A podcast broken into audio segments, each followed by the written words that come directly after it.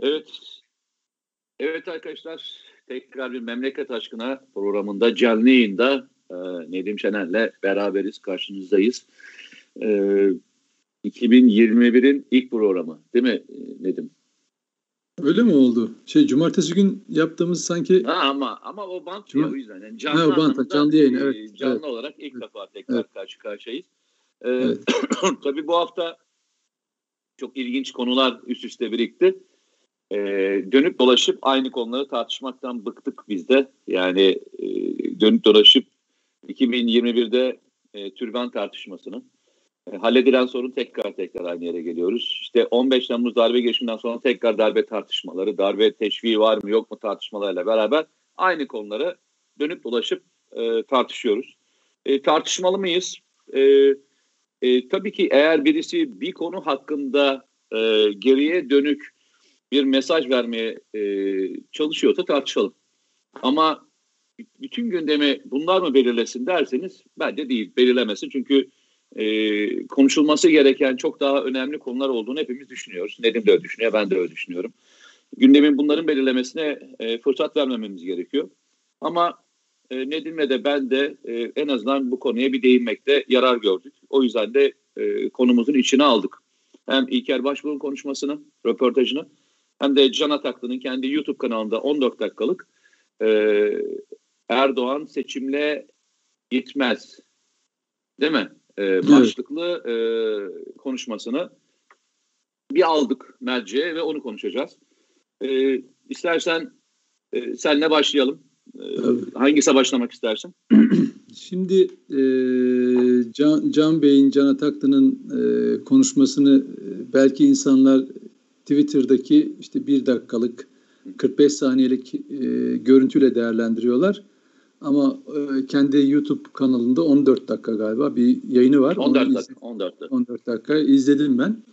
E, çok şöyle analiz yaparken çok sıhhatli bir e, analiz olmadığını görüyorsunuz. Yani analizden öteye bir içinde niyet barındıran bir garip bir tutum olduğunu da anlıyorsunuz. Yani bu bir ruh hali ve bu ruh halini ben 15 Temmuz öncesinde e, ki süreçle çok benzeştiriyorum.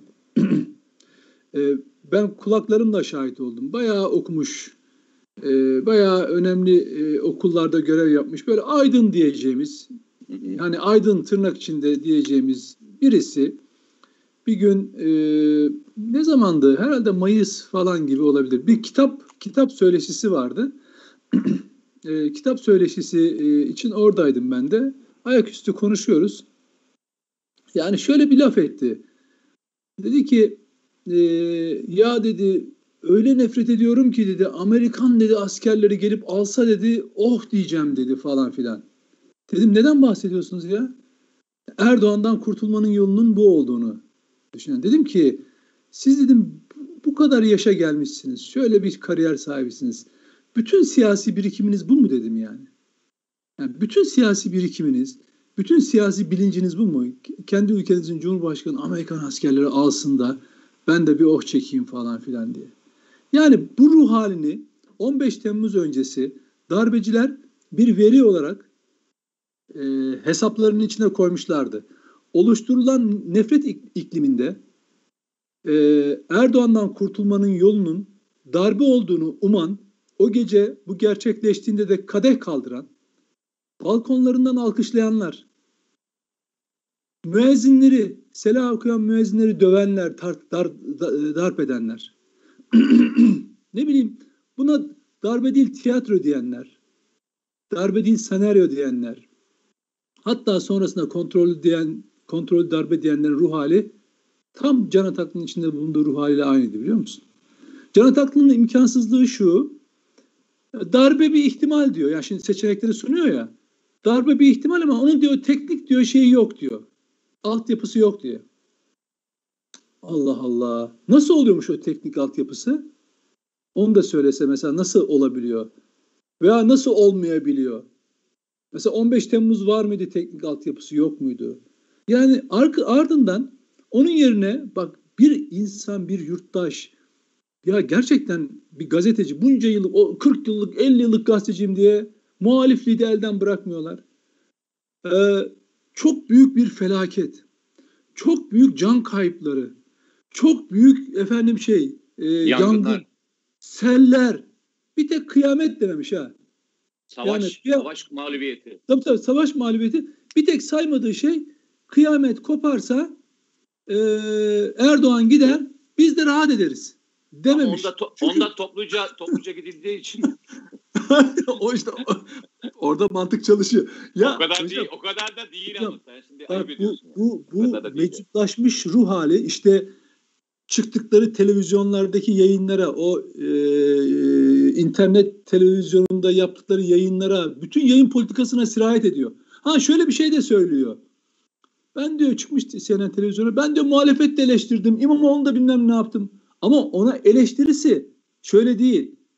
Senden hiçbir şey olmaz. Sen sen yerin dibine bat falan. Sen sel, sellere gel, yağmurlara gel. Efendim yangınlarda bilmem ne değil.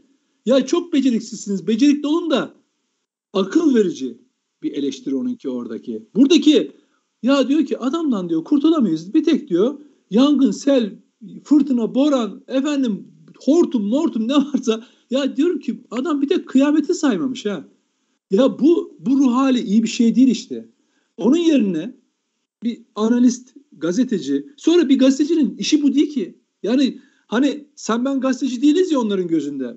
Hiç herkesi beğenmiyorlar ya. Peki bir gazetecinin işi böyle bir analiz midir arkadaş? Ha, hakikaten biliyor musun? En meczup FETÖ'cü mesela şey nedir onun adı? Ee, Emre Uslu bile bu kadar pespaye bir analiz yapmamıştır biliyor musun? O en azından Amerika'daki dinamikler bilmem ne oradan bundan uydurup bir şeyler bir takım analizler kasıyor. Ya bu nedir arkadaş? Çok büyük sel, çok büyük deprem, çok büyük. Ya arkadaş aklınızı mı yediniz ya? Öyle bir durumda bu, bu tür felaketlerde bu milletin bir araya geleceğini, felaketi el birliğiyle atlatmamız gerektiğini Allah korusun e, deprem veya sel veya işte yangın, savaş kayıpları olmasın. O da onu söylüyor. İşte böyle bir şey istemem diyor ama sen bunu ağzından söyledikten sonra istemem demek zaten senin niyetini veriyor. O, o işin süsü. Yani istemem ama falan. Ben bir şey Kardeşim, soracağım sana. E, bir şey soracağım şimdi. O yüzden bak şey var ya. Hayır hani, hayır. Bir, a, hayır, bir, bir, hayır. E, Nedim bir dakika bir dur. Bir dur. Bir, bir, bir nefes al. E, çünkü e, tam çok düzgün bir yeri yakaladım ve oradan hani e, beraber biraz konuyu deş, e, deşmek istiyorum. Gerçekten deşmek istiyorum. Ben şu hatayı yapmak istemedim. Hani bazen oluyor ya e, böyle bize de yapılıyor. Hani konuşmamızın evet. bütününden alınıp böyle arka arkaya kesilip evet, aslında evet. onu söylemedim falan hikayesine getiriyor. Ben dedim ki yapmayacağım bunu. Ee, ki yapmadım hayatım boyunca yapmadım. Oturdum bu e, röportajını şey röportajı diyorum YouTube çekimini 14 dakikalık çekimi tam 4 defa dinledim. Bak 4 kez dinledim ve 4 kez not aldığım yerleri bir kez daha dinledim. Acaba dedim ben yani yanlış mı algılıyorum? Tekrar başa aldım, tekrar aldım, tekrar dinledim, tekrar aldım, tekrar dinledim. Şeyi anlamaya çalıştım önce. E, bu e, 14 dakikada ne anlatmak istemiş?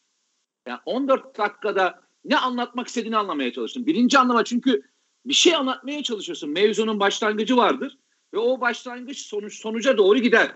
İşte ne hep basit şey vardı ya kendi anlamda söyledikleri giriş, gelişme, sonuç diye. Şimdi ilk başlangıçta şunu söylüyor. Biz kendi aramızda konuşuyoruz ya arkadaşlarla. Oraya dikkatini çekti mi? Tartışmışlar mı? Yani tabii. Tartışmışlar. Bir tartışmanın sonucunu söylüyor aslında. kendi fikrini zikretmiyor yani. Tabii. Ve o zikret, e, zikir esnasında kendi aralarındaki o to, e, sohbet esnasında şuna söyledim ben diyor. Ben diyor artık inanmıyorum diyor. Seçimle gideceğine inanmıyorum diyor. Doğru mu? Tabii. Yani asıl bu işin teması bu. Zaten evet. başlığı da o yüzden atıyor. Erdoğan seçimle gitmez. Peki Erdoğan seçimle gitmezse yerine ne olurum sorusunu bu şekilde veriyor. Yani işte senin söylediğin grup olarak veriyor. Ama işin mantıklı kısmı ne biliyor musun? Sonuçta şuna geliyor. Diyor ki Erdoğan en son cümleli Erdoğan diyor seçim kaybedeceği seçime girmez. Evet, dolayısıyla seçime kaybetse gitmez. de hayır, kaybetse de gitmez diyor. Evet. E, o zaman bu kadar söylediğin şeyin içerisindeki bütünlüklü ben anlamış değilim. Neyi anlattın sen? Yani evet. Türkiye'de seçim olmayacak mı diyorsun? Se- Olmay Yani seçim yani seçim yapılmayacak. Erdoğan da seçime giderse ancak kendi istediğiyle gidecek. Böyle gidecek diyor. Hayır, seçim Söylüyor. seçime giderse de kaybettiğinde koltuğu bırakmaz diyor. Nasıl ha, olur? Gitmeyecek diyor. Ya ben şimdi şey anlamadım. Ya e, arkadaş e, sen şimdi demokrat olarak Türkiye'de seçimi mi savunuyorsun? Yoksa seçim ol, olsa da gitmeyeceğini mi söylüyorsun? Yoksa yine kendi içinde söylüyor. Zaten diyor Erdoğan seçim kaybetmez diyor. Ama bunu e, manipüle ederek söylemiyor. Bu muhalefet zaten seçimi kazanamaz diyor. Ne söylüyor kendi ben, içinde. Ben tam onu okumadım. Yani şöyle Erdoğan yani, seçime giderse kaybedecek. Dolayısıyla kaybedeceği seçime de gitmez. Dolayısıyla seçim olmaz. Yani böyle bir hayır, bütün bir şey, arada, arada orta orta bölüm de onu da söylüyor. Yani evet, ne yapar ne eder seçimi kazanır diyor. Şimdi abicim şimdi evet. söylediklerinin içerisinde anladığımız kadarıyla şöyle bir pozisyon var. Türkiye'de seçim olmayacak. Ben anladığım kadarıyla seçim evet. olmayacak bir daha. Evet. Çünkü şöyle söylüyor. Eğer Erdoğan girdiği seçimi kazanırsa diyor zaten bir daha Türkiye'de demokrasiydi, seçimdi falan bir daha konuşmayacaksınız diyor. Onu da evet. söylüyor şeyin içinde, cümle içinde. Evet. Evet. Ya bütünsel olarak ben şunu anlamakta zorlandım. Arkadaş sen ne diyorsun? Yani dediğin şey ne ya? Hani seçim sistemi Türkiye'de kaldırıldı mı? Ya yeni bir düzen mi geldi Türkiye'ye? Mesela en son seçimlerde Türkiye'de e, şeyler kaybedildiğinde, belediyeler kaybedildiğinde AK Parti tarafından AK Parti teslim etmedi mi? Neredeyse en büyük büyük şeylerin tamamını kaybetmedi mi? E, o zaman seçim olmuyor mu? Seçime inancımızı mı kaybedelim? Hani demokrasiden mi vazgeçelim? Neden vazgeçelim? E, bize bir anlatsa bizi anlasak yani tam olarak onu anlasak. Çünkü o zaman şunu söylerim. Dedim ki ya arkadaş bir demokrasi vurgusu yaptı. Ve bu demokrasi vurgusuyla da bize şunu söylüyor. Arkadaş Türkiye'de demokrasi için hep beraber çalışalım. Bunu söyleyebilirsin kendi seçmenine. Ama kendi seçmenine de, demeyip bütün Türkiye'ye felaketler üzerinden bir e, duyum yaptığında bunun neresi gazetecilik ben bunu anlamadım. O, e, tabii. Bunun altındaki yatan cümle belli. Erdoğan seçimle gitmez. Evet. Seçimle gitmez lafının altında seçim kazanamaz demiyor bak ben sana söyleyeyim. Evet. Bak onu dese anlayışla karşılayacağım. Evet, evet. Basının arkasına yatan mevzu şu değil. Erdoğan seçimle gitmez dedi de seçim kazanamaz demiyor. Seçimi Tabii. kazansa da evet. zaten başlangıçta söyleyeceğini söylemiş oluyor. Tabii tabii tabii. Ben 14 dakikanın içerisinde e, yani gerçekten ne demek istediğini bir türlü anlamadım. Hatta bugün gazetecilerin böyle e, sizin de daha önce e, gazetenizde herhalde şey yapmıştı. Okur temsilciliği yapmıştı. Faruk Bildirici galiba değil mi? Yanlış evet. hatırlamıyorsam. Onun e, yorumuna okudum. Baktım ne diyor diye. E, o da e, darbe çağırmadığını söylüyor. Ben de bunun içerisinde e, darbeyi teşvik eden bir cümle olduğunu e, bilmiyorum. Yani görmedim. Yani darbe yapılsın gibi bir cümleye rastlamadım ama o bile şey demiş. Yani söylediklerinin e, anlam dışına anlam dışına çıktığını düşünüyorum demiş. Yani en kibar haliyle o e, camiaya en yakın kişi olarak bile bunun ne demek istediğini anlamadım demiş. İnan ben hiç anlamadım. Ben açık ve biraz daha net söylüyorum. Ben e, bu konuşmanın e, sonucunun ne olduğunu anlamadım. Bize anlatırsa yani bizim gibi cahil vatandaşlara bir anlatırsa ne olduğunu biz de anlamış olalım. Ne demek istemişti?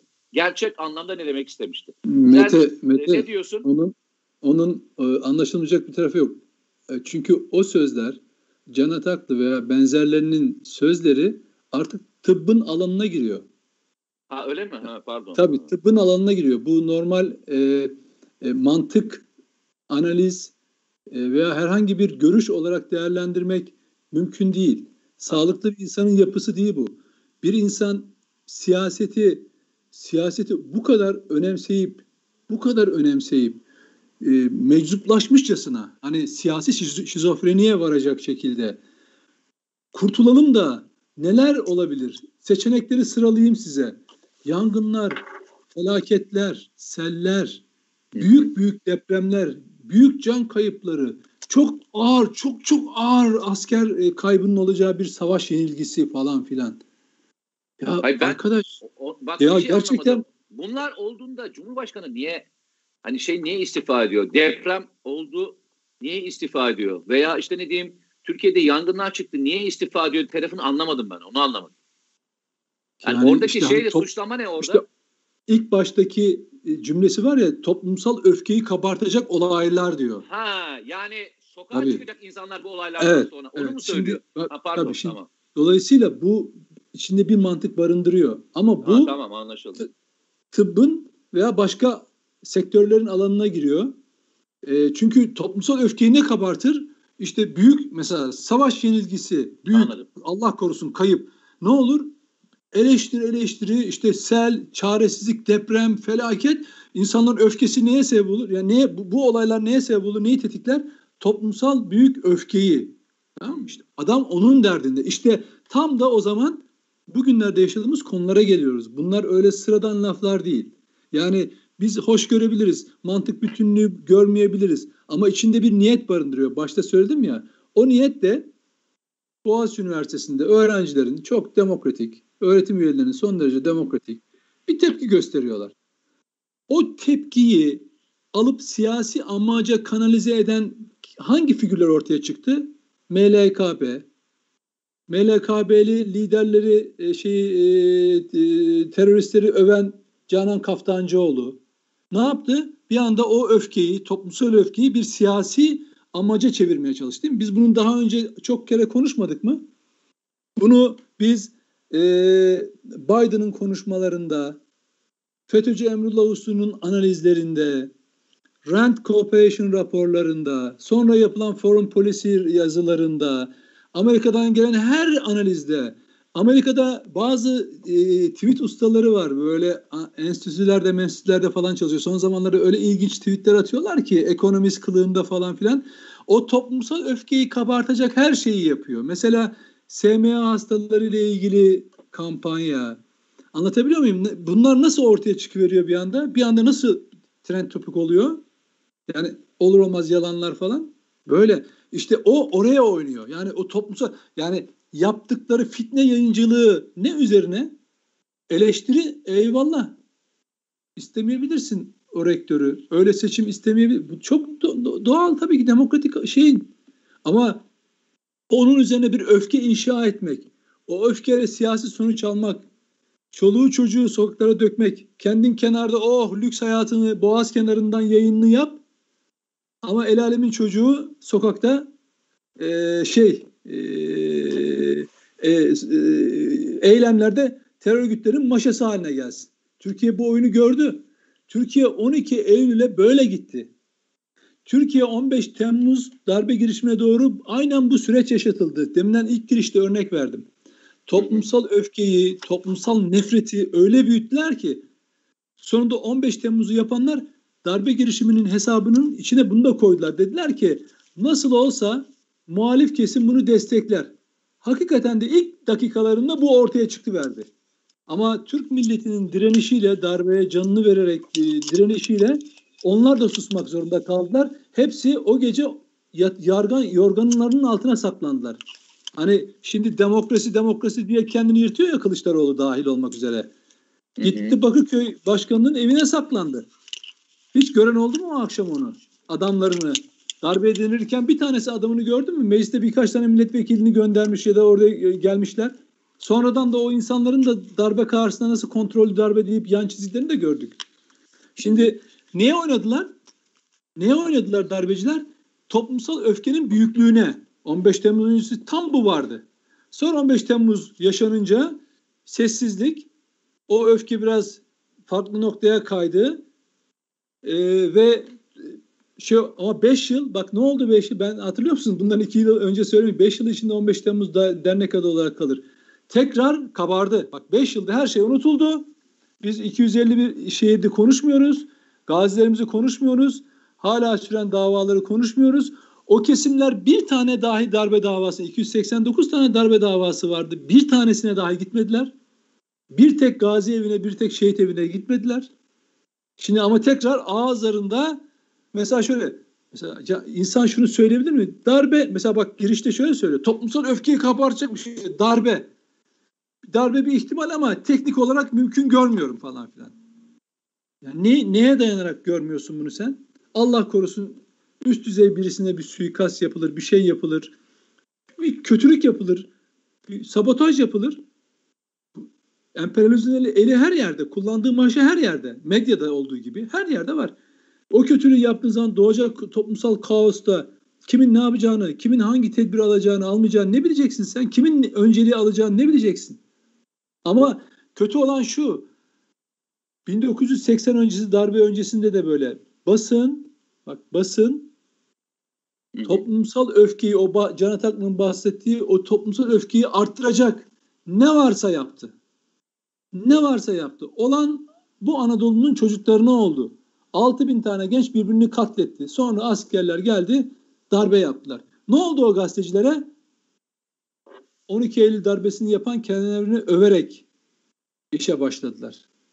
Bak bugün hala hepsi cirit atıyor piyasada. Hepsi cirit atıyor.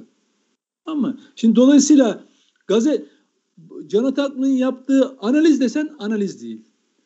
Efendim e, yorum desen yorum değil. Sağlıklı bir insanın kahvehanede yapacağı muhabbet bile değil. Kahvehane muhabbeti son derece ciddi yapılır yani. Böyle yapılmaz. Öyle herkesin ortasında yaparsın ve orada anında cevabını da alırsın. Öyle kahvehanede böyle konuşamazsın.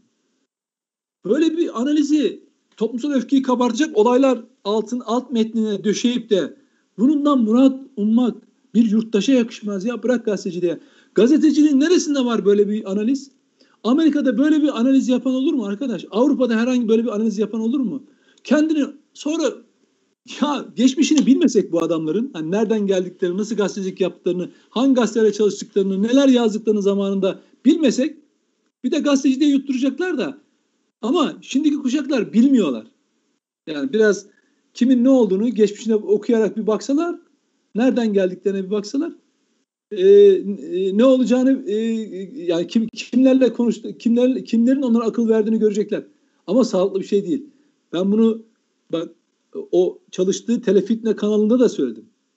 Arkadaş toplum, toplumun duygularıyla toplumun e, şeyi beklentileri böyle oynamayın sana bana kötülük yapacaksın diye oturup işte Ayasofya'ya Türkiye'nin Libya operasyonu ona buna düşmanlık yapmayın. Bunlar milli meseleler. Ama adamların kafalarında bir felaket yaşansın da bu adam gitsin. Öyle de olmayabilir. Ne yapacaksın? O zaman diyeceksin kıyamet ancak kıyamet günü Erdoğan iktidardan gider falan mı diyeceksin yani? Bu mudur analiz? Bunun neresi gazetecilik? Ama dediğim gibi bunların hepsinin bir karşılığı var. Ee, özellikle Canan Kaftancıoğlu'na mutlaka dikkat etmesi gerekiyor CHP'lilerin ve CHP, onun kuyrukçuluğunu yapanların. Canan Kaftancıoğlu gerçekten CHP'ye büyük tehlike veriyor. Büyük tehlike sebep oluyor. İki, gençlerin de başını yakacak. Yani Eyvallah. mesajlar yayınlayıp götürüp Boğaziçi Üniversitesi'nin önünde oturup kendisi nasıl olsa CHP il başkanlığı olmak nedeniyle belli bir koruma altında nasıl olsa bana dokunmazlar diye ortalarda dolaşıyor. Ama bu ülkenin birçok gencinin başını yakabilir. Öylesine tehlikeli bir provokatör. Ben bunu yıllardan beri söylüyorum. 2-3 yıldan beri ilk kavgası benledir açıktan. Ben onun bir çamur olduğunu söyledim ve söylüyorum. Bu ülke için bile çok zararlıdır. CHP için çok zararlıdır. Çok büyük zararlar verecek. Ya şu anda CHP içinde bir, bir anket yapın. Bakalım kaç kişi onun kalmasını istiyor İstanbul İl Başkanı. Ya CHP dediğiniz parti hep kendisini kurucu parti olmakla öyle bir e, kendini görüyor. Allah aşkına bugün gelinen noktada PKK'nın siyasi koluyla HDP ile işbirliğini açık açık artık deklare ediyorlar. Şu e, aldıkları tutumlarla bunun neresi kuruculuk, neresi bu ülkenin partisi olmakla ne, ne alakası kalmış arkadaş? Birinin buna gerçekten parti içinden aklı selim birinin arkadaş durun ya ne yapıyoruz biz? Biz cinnet ortamını körüklemeye çalışıyoruz. Çünkü bu böyle başlar. Bak bunun batıdan sürekli şeyleri geliyor. Verileri geliyor. Sürekli olarak. Batı sürekli buna oynuyor. Bu ülkedeki siyasete, devlet kurumlarına, en önemli kurumlara nefreti sürekli körüklüyor. Bunu çok açık görebiliyoruz. Bu ele, eleştirmeyin değil, eleştirmemek adına eleştirilmesin diye söylemiyorum. Eleştiri ayrı bir şeydir. Nefret kültürü, nefreti körüklemek ayrı bir şeydir ve oraya doğru gidiyor. Peki. Dolayısıyla ee, e, müsaade edersen dur. Tabii. Dur. Ee, bir ara verelim. E, çünkü bir de başka bir konuyu daha konuşmak istiyorum. E, İlker Başbuğ'un e, konuşması da aslında o bütünlük içerisinde yer aldı. E, Fahrettin Altun'un e, sözleri içinde de e, vardı. E, hem Can Ataklı hem de İlker Başbuğ'un e, eğer Menderes e, erken seçim kararı almış olsaydı e, olur muydu? Yani e, darbe engellenebilir gibi bir e, söylemde bulundu. Ve daha sonra da birçok kesim yani bu e, söylemi bugüne getirip yani günümüze getirip Türkiye'de de bir erken seçim olsun. Çünkü şeyle birleştirdiler. Can Ataklı'nın konuşmasıyla birleştirerek böyle bir mevzuya geldi. Ben e, bu konuyla ilgili birkaç şey söyleyeyim sonra sana vereceğim sözü. Yani İlker Başbuğ'un e, geçmişte nasıl hani terör örgütü lideri e, yapmakla ilgili suçlandığı suçlama varsa ne kadar absürt bir suçlamaysa e, yani İlker Başbuğ'un Türkiye'de darbeyi teşvik eden bir konuşma yapmasını beklemek de aynı absürtte diyeceğim, söyleyeceğim. Ama e, orada kendisinin fikirlerine katılmadığım e, yerler olduğunu da ekleyeceğim ve onları da şimdi sayacağım. Birincisi e, tabii ki bir kitap yazmış. Üçleme bir kitap bu. E, Türkiye'deki e, süreci Osmanlı'dan alarak bugüne kadar e, getirmiş ve son kitabıyla ilgili bir röportaj veriyor. Ve onun içinde yazdıklarıyla ilgili sorular soruyorlar. Bunlardan bir tanesi de muhtemelen kitabın içinde herhalde o bölüm var e, anladığım kadarıyla. E, 1960 darbesinde eğer erken seçim kararı almış olsaydı Eskişehir miting, mitinginde bu olmazdı şeklinde bir e, söylemi var. Valla ben dün bir tane e, 26 e, Mayıs'ta Hürriyet gazetesinin, senin de şu anda bulunduğun Hürriyet gazetesinin bir manşetini e, görüyorum, gördüm. E, yani 26 Mayıs 1960. 26 Mayıs 1960'daki gazetenin başında iki tane manşet var. Birincisi takkat kurullarının durdurulduğunu, görevini bitirdiğini. İkincisi de erken seçim kararının alındığı ile ilgili bir manşet var. Bildiğim manşet. Yani Türkiye'de eğer bir gazetenin manşetine Eskişehir konuşmasının manşeti böyle çıktıysa açıkçası hani erken seçim kararı başka nasıl alınabilir? Yani en önemli gazetelerde e, Eskişehir konuşmasında böyle bir metinin geçmesinden anlaşılır. Demek ki o zaman birincisi e, o gün isterse erken seçim alsın isterse almasın. Emperyalizm e, Adnan Menderes'in ipini çekmeye karar vermişse bu iş zaten olmuş demektir. Ama başka bir şey var. Adnan Menderes'in e, devirmeye çalışan darbecilerin kullanmış olduğu teknik ve taktikler, o günlerde söylemiş olduklar, söylemiş olduklarının kaçı doğru çıktı? Yani sarf etmiş oldukları dava dosyasına giren suçlamaların kaçı doğru çıktı?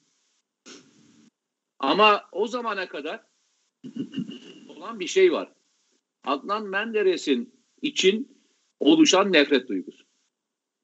Yani e, darbenin sen bugün anlatırken onu söyledim. O yüzden Can Ataklı'ya döneceğim tekrar. E, 1960 darbesini atlatması aslında çok iyi olmuş. 1960 darbesinde darbeyi teşvik eden nedenlerden bir tanesi nefret.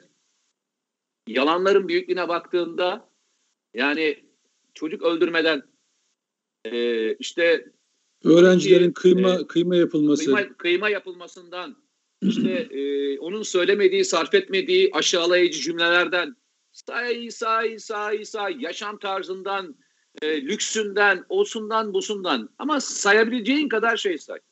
Tabii. Onların hangisi doğru çıktı? Çıkmadı ve çıkmamış olması da bir şey ifade etmedi.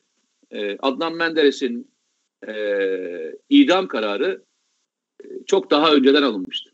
Ne zaman alınmıştı? Adnan Menderes'in Amerika Birleşik Devletleri'ne gidip orada aynı nasıl e, şeye söylendiyse Süleyman Demirel'e nasıl e, daha sonra e, Ecevit'e söylendiyse siz bir tarım ülkesiniz ve tarım ülkesi olarak kalacaksınız. Sanayileşmek gibi bir e, düşünceye girmeyin deyip üçünün de ortak kaderidir. Rusya'ya gidip Rusya'dan kredi alıp Türkiye'nin sanayileşme e, önünü açmasıdır. Ve üçünün sonunda e, Rusya ile yakınlaşması e, belirlemiştir. Yani ip Türkiye'de çekilmemiştir. İpin çekildiği yer ve kararın verildiği yer aslında odur.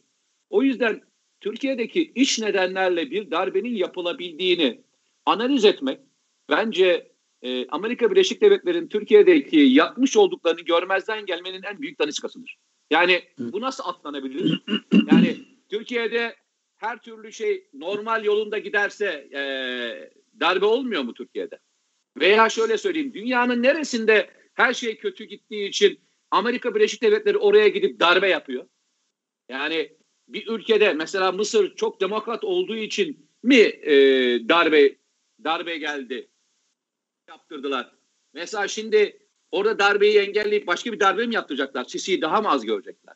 Veya krallıklarla iş yaparken orada insanlar işte ne diyeyim gazeteciler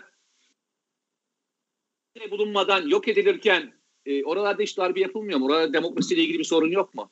Oralarda laiklikle ilgili bir sorun yok mu? Orada da orada yaşanmışlıklarla ilgili hiçbir sorun yok mu? Mesela oralarda da mı demokrasiyle ilgili sıkıntı olduğunu Amerika Birleşik Devletleri darbeye giriyor, darbenin içinde yer alıyor? Yok. Yani Türkiye'de darbe tarihinin Türkiye'deki siyaset, iç siyasete bağlamak ve iç siyasetin üzerinden darbeyi e, konuşmak darbeler tarihini hiç anlamamakla aynı eşdeğer olduğunu düşünüyorum. Nedenlerden birisi bile değil bak ben sana söyleyeyim. Amerikalılar o kadar özgürler ki bu düşünceyi söylüyorlar zaten. Bir ülkede darbe olabilmesi için diyor. Bir darbeyi teşvik etmemiz veya onu onaylamamız için diyor. Bizimle çalışan, çalışmayan hükümetin devrilmesi gerekir diyor. Bizim için diyor demokrasi, bizim için insan hakları falan evrensel değildir diyor. Bizim için bizimle çalışan hükümetler vardır veya bizimle çalışmayan hükümetler vardır. Çok demokrat hükümetler, az demokrat hükümetler vardır diye bir tabir kullanmıyor. Adamlar bu kadar açık söylüyorlar. Şimdi bu kadar açık söylenmenin üzerine biz neyin okumasını yapıyoruz? Yani 1960, 70, 28 Şubat, 12 Eylül onlarca müdahale var. E-muhtıralar dahil olmak üzere. Neyin konuşmasını yapıyoruz biz ya? Yani Türkiye'deki darbeciler e, işaretini almadılar. 15 Temmuz darbe girişimi. Yani Türkiye'deki iç siyasetten mi kaynaklandı 15 Temmuz darbe girişimi? Yani birileri işaret vermediler? Birileri yürü demediler mi? Birileri olurlarını yapmadılar mı? Bunun e, işareti verilmedi mi? Evet. Yani benim İlker Başbuğ'un gerçekten demokratlığına veya diğer şeyine hiçbir şey söyleyemem. Türkiye hizmet etmiş. Ergonokon sürecine de FETÖ'nün ilk ismini zikreden ve bu yüzden de bedel ödeyen bir komutandır. Söyleyecek hiçbir şeyim yok.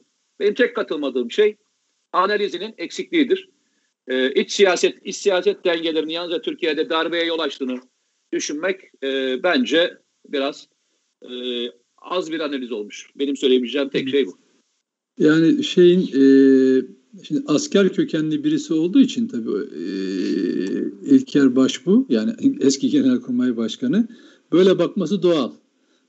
yani e, darbeden doğrudan emperyalizm maşesi olan e, ordu içindeki cuntaları suçlamak yerine siyasete e, suç atmak ya da iç sebepler yaratmak kendince çok mantıklı. Çünkü eski bir asker. Yani çok fazla bir şey bekleyemezsin. Onların terör konusundaki pratikleri ve sonradan yaptıkları analizler de o yüzden çoğu zaman hatalı.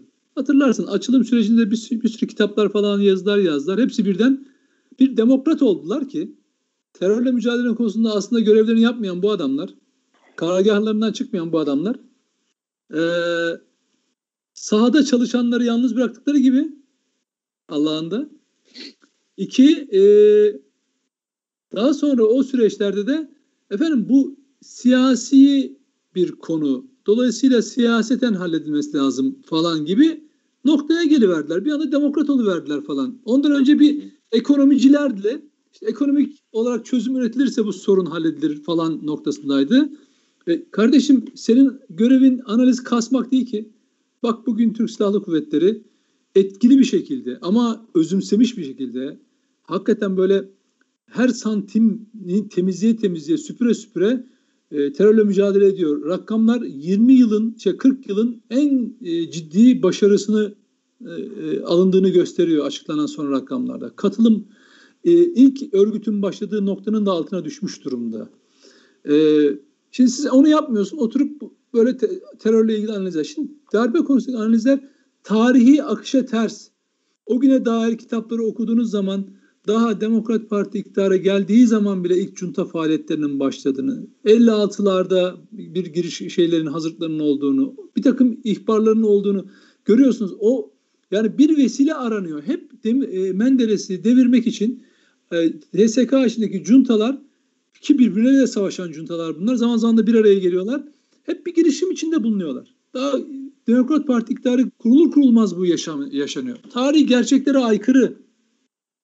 Ayrıca iki gün önce e, erken seçim açıklamış olsa ne olacak, açıklamış olsa ne olacak? Dediğim gibi ip zaten emperyalizmin elinde çekmiş. Şimdi şey kötü olan şu. Tarihten böyle bazı olayları alıp bugüne getirmek çabası çok ilginç. Gazetenin başlığı tam o dediğin yani gazete bula bula bula bula o başlığı mı bulmuş şeyin içinden? Yani mesajı bak Can Atak'tan. Hı hı. Öyle birbiriyle örtüşen zihin, bu bir zihniyet. Ben bu adamların ruhlarını biliyorum. Yani aynı şeyi okuyup, aynı masada konuşup, aynı şeyleri yiyip içtikten sonra aynı şeyleri düşünmeye başlıyorsun. Ve sen önüne gelen her metinden o analizi çıkartıyorsun. Can Atak da öyle tesadüfen oraya, o noktaya gelmiş değil ki. Bu cinnet halinin işte Abdülhamid yani o Allah aşkına çalıştığı televizyon kanalının yayınlarına bir bak. Bir bak. Hani öte tarafa yandaş diyor ya. Öteki tarafın da hangi yandaş olduğunu gör. Bir, bir konuşanlara bir bak.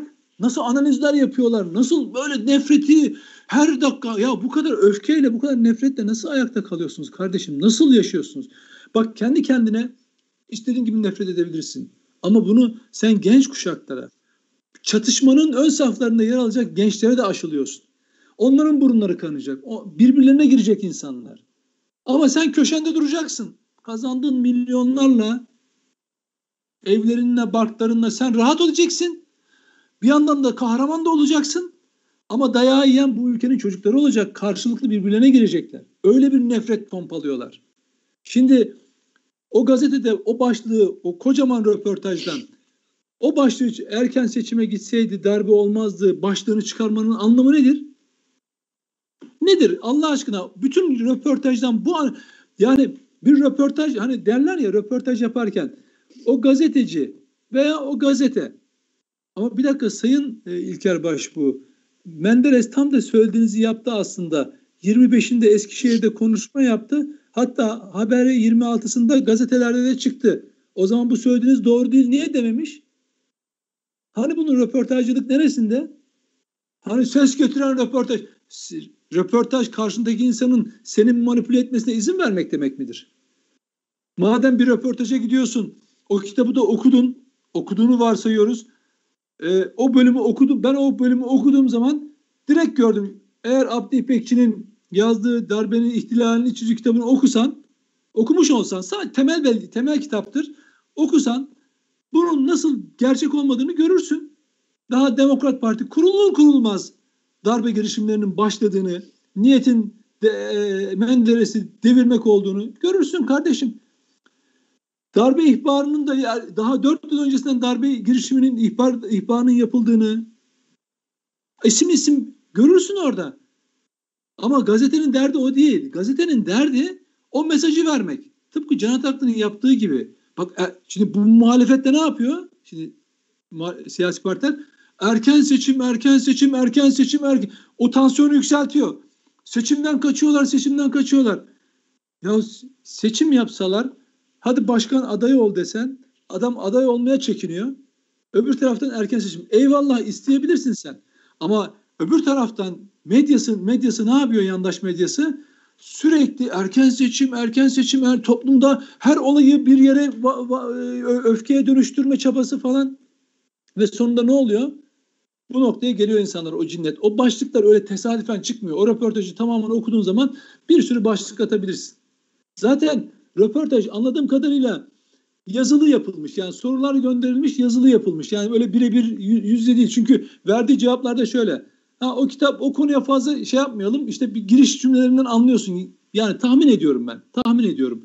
Ee, yani bir şeyden geçirilmiş bir e, süzgeçten. Ama o başlığı atmak için doğru doğru bir başlık atmıyorsun. Röportaja doğru başlık atmıyorsun. İlker Başbuğ'un söylediği tarihi gerçeklerle örtüşmüyor. Ve gazetecilikle hiç bağdaşmıyor zaten. Ama niyet ne? Erken seçim olmazsa askeri darbe. Ha. Kardeşim ya askeri darbe lafını artık ağzına almaya. Onun yerine siyaset üret. Can Ataklı gibilere de söylüyorum. Varsa aklınız bu muhalefet nasıl siyaset üretmeli? Bak ben diyorum CHP'nin iktidar olmasının yolu PKK'nın siyasi kanadı HDP'li işbirliğinden geçmez kardeşim. Onları da oradaki bölge insanını da kapsayan, milliyetçileri de kapsayan, muhafazakarları da kapsayan bir siyaset üretmekten geçer. Sokak sokak, ev ev dolaşmaktan geçer. Kahvehanelerde sohbetlerden, insanlardan e, şey almaktan geçer. Bak senden sonra ya da kısa süre önce kuruldu 2018 galiba İyi Parti senden oy çalıyor, oy alıyor ya. Senin tabanından oy alıyor kardeşim. Sağcı bir parti CHP'nin tabanından oy alıyor. Barış arkadaş anlattı. Üye sayısı azalıyor. Onun yerine sen ne yapıyorsun? Ne yapıyorsun? Gidiyorsun PKK'nın siyasi kolunda. Ya iktidar hedefin varsa bu çok normal tabii ki olmalı. Ama bunun yolu böyle toplumsal öfkeyi kabartayım, bir askeri darbe bilmem ne. Sonra darbelere karşıyız, marşıyız falan filan. Kardeşim 15 Temmuz'da bu millet karşıydı. Siz nerede karşısınız? Neye karşısınız? Onu söyleyin açık açık. Biden'a selam çakıp ondan demokrasi dileniyorsan neye karşısın? Bana onu anlat sen ya. Şu dön bu millete. Ya bu milletin değerlerine saygılı ol sen. Zaten her şeyi alırsın, kazanırsın. Çok istiyorsan o koltuklar senin olsun kardeşim. O paralar ne istiyorsan senin olsun. Ama ben hep şundan kaçındım. Bak 15 Temmuz'dan öncesinden de söylüyorum. Hı hı. Ben 12 Eylül öncesi abilerimizin sırf sağcı solcu diye tercüman okuyor, cumhuriyet okuyor diye birbirini öldürdüğü dönemleri ben çocukken biliyorum ya. Ya ben hep bütün kendimi 15 Temmuz sonrasında bu kutuplaşma olmasın diye ortaya atmışım. Bunun için insanlar o yüzden beni yaftaladılar, iftira attılar. Ya diyorum ki kardeşim bak ey CHP, ey bu ülkeden demokrat, sosyal demokratları temsil eden parti gel bu ülkenin milliyetçilerine gel bu ülkenin muhafazakarlarına dön ya. Sen onun yerine ne yapıyorsun? Yüzde elli artı bir nasıl sağlarım? Onun derdine düşmüşsün ve onun için gidip PKK'nın siyasi koluyla işbirliği yapıyorsun. Hep diyorlar ya Mete, FETÖ'nün siyasi ayağı, bugünlerde pek moda değil. FETÖ'nün siyasi ayağı. Ne yapacaksın FETÖ'nün siyasi ayağını arkadaş? Hep sorardım hatırlıyor musun? Ne yapacaksın FETÖ'nün siyasi ayağını sen? FETÖ'nün siyasi ayağını yargılayacaksın değil mi? Peki. PKK'nın siyasi ayağı kim abi? PKK, şey HDP. Peki FETÖ'nün siya, FETÖ'nün siyasi ayağıyla işbirliği yapmak suçsa PKK'nın siyasi ayağıyla işbirliği yapmak ne? Niye onun üzerine durmuyorlar? Niye mi? Hani terör örgütünün e, siyasi kanadıyla işbirliği yapılmazdı. Hani FETÖ'nün siyasi ayağını arıyordunuz. İşte sana PKK'nın siyasi ayağı. Kendiniz söylüyorsunuz. Diyorsunuz ki FET, e, PK, e, HDP PKK ile arasında terörle mesafe koysun. Yani mesafe olmadığını söylüyorsun sen zaten. E, o, bununla işbirliği yapıyorsun.